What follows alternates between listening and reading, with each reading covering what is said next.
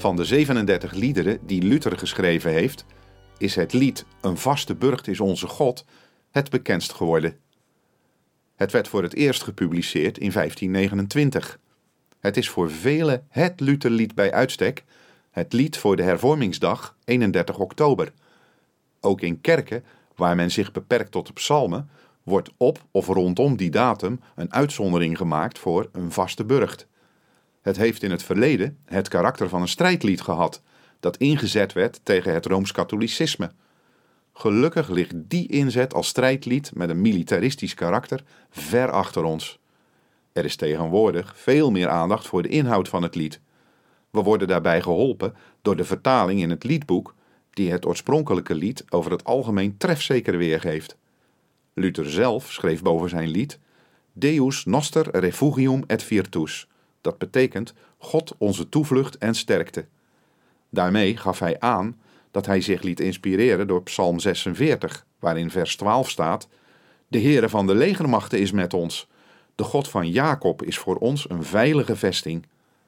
In Psalm 46 zingt de psalmdichter een loflied op de Heere als de toevlucht van Israël en Jeruzalem in tijden van crisis.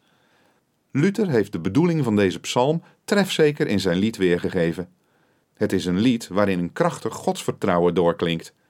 Al staat de aarde te trillen op haar grondvesten, al worden we verschrikt door het rumoer van het wereldgebeuren, toch vrezen we niet. De Heere, de God van Jacob, is immers met ons.